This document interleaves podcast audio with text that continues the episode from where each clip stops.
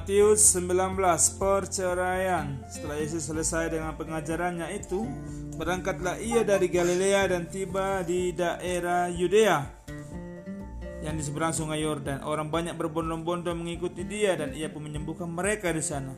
Maka datanglah orang-orang Farisi kepadanya untuk mencobai dia. Mereka bertanya, "Apakah diperbolehkan orang menceraikan istrinya dengan alasan apa saja?"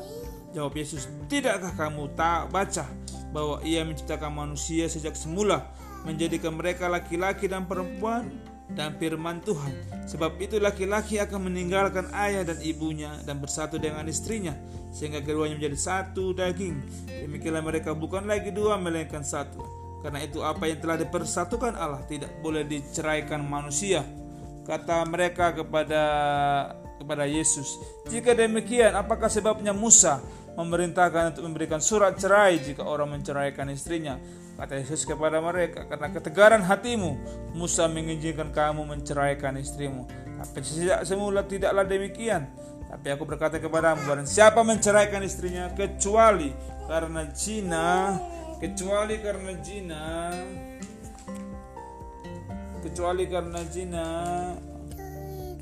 lalu berkawin dengan perempuan lain, ia berbuat zina Murid-murid itu berkata kepada jika demikian halnya hubungan antara suami istri lebih baik jangan kawin. Akan tapi ia berkata kepada mereka tidak semua orang dapat mengerti perkataan itu. Hanya mereka yang dikaruniai saja. Ada orang yang tidak dapat kawin karena ia memang lahir demikian dari rahim ibunya.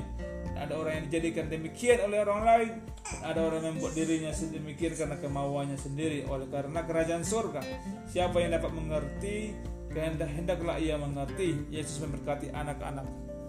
Lalu orang membawa anak-anak kecil kepada Yesus supaya ia meletakkan supaya ia meletakkan tangannya atas mereka dan mendoakan mereka. Akan tetapi murid-muridnya memarahi orang-orang itu. Tapi Yesus berkata, biarkanlah anak-anak itu janganlah menghalang-halangi mereka datang kepada sebab orang-orang yang seperti itulah yang punya kerajaan surga.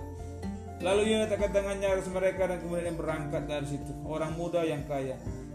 Ada seorang datang kepada Yesus yang berkata, Guru, Perbuatan baik apakah yang harus kuperbuat untuk memperoleh hidup yang kekal? Jawab Yesus, apakah sebabnya engkau bertanya kepada aku tentang apa yang baik? Hanya satu yang baik, tapi jika engkau ingin masuk ke dalam hidup, turutlah segala segala perintah Allah. Kata orang itu kepadanya, perintah yang mana? Kata Yesus, jangan membunuh, jangan berzina, jangan mencuri, jangan menjaga saksi dusta, hormati ayahmu dan ibumu, kasihilah sesama manusia seperti dirimu sendiri. Kata orang muda itu kepadanya, semua itu telah kuturuti, apalagi yang masih kurang? Kata kepadanya, jikalau engkau hendak sempurna, pergilah jualah segala milikmu dan berikanlah itu kepada seorang yang miskin, maka engkau beroleh harta di surga. Kemudian datanglah kemari dan ikutlah aku. Ketika orang muda itu mendengar perkataan itu, pergilah ia dengan sedih, sebab banyak hartanya. Yesus berkata kepada murid-murid, Aku berkata kepadamu, sesungguhnya sukar sekali bagi seorang kaya untuk masuk ke dalam kerajaan surga. Sekali lagi aku berkata kepadamu, lebih mudah seekor unta masuk melalui lubang jarum daripada seorang kaya masuk ke dalam kerajaan Allah. Ketika murid-murid mendengar itu sangat gemparlah mereka dan berkata, jika demikian, siapa yang dapat diselamatkan?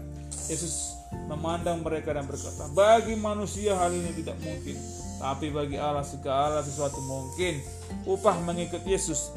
Lalu Petrus menjawab dan berkata kepada Yesus, kami ini telah meninggalkan segala sesuatu dan mengikuti engkau.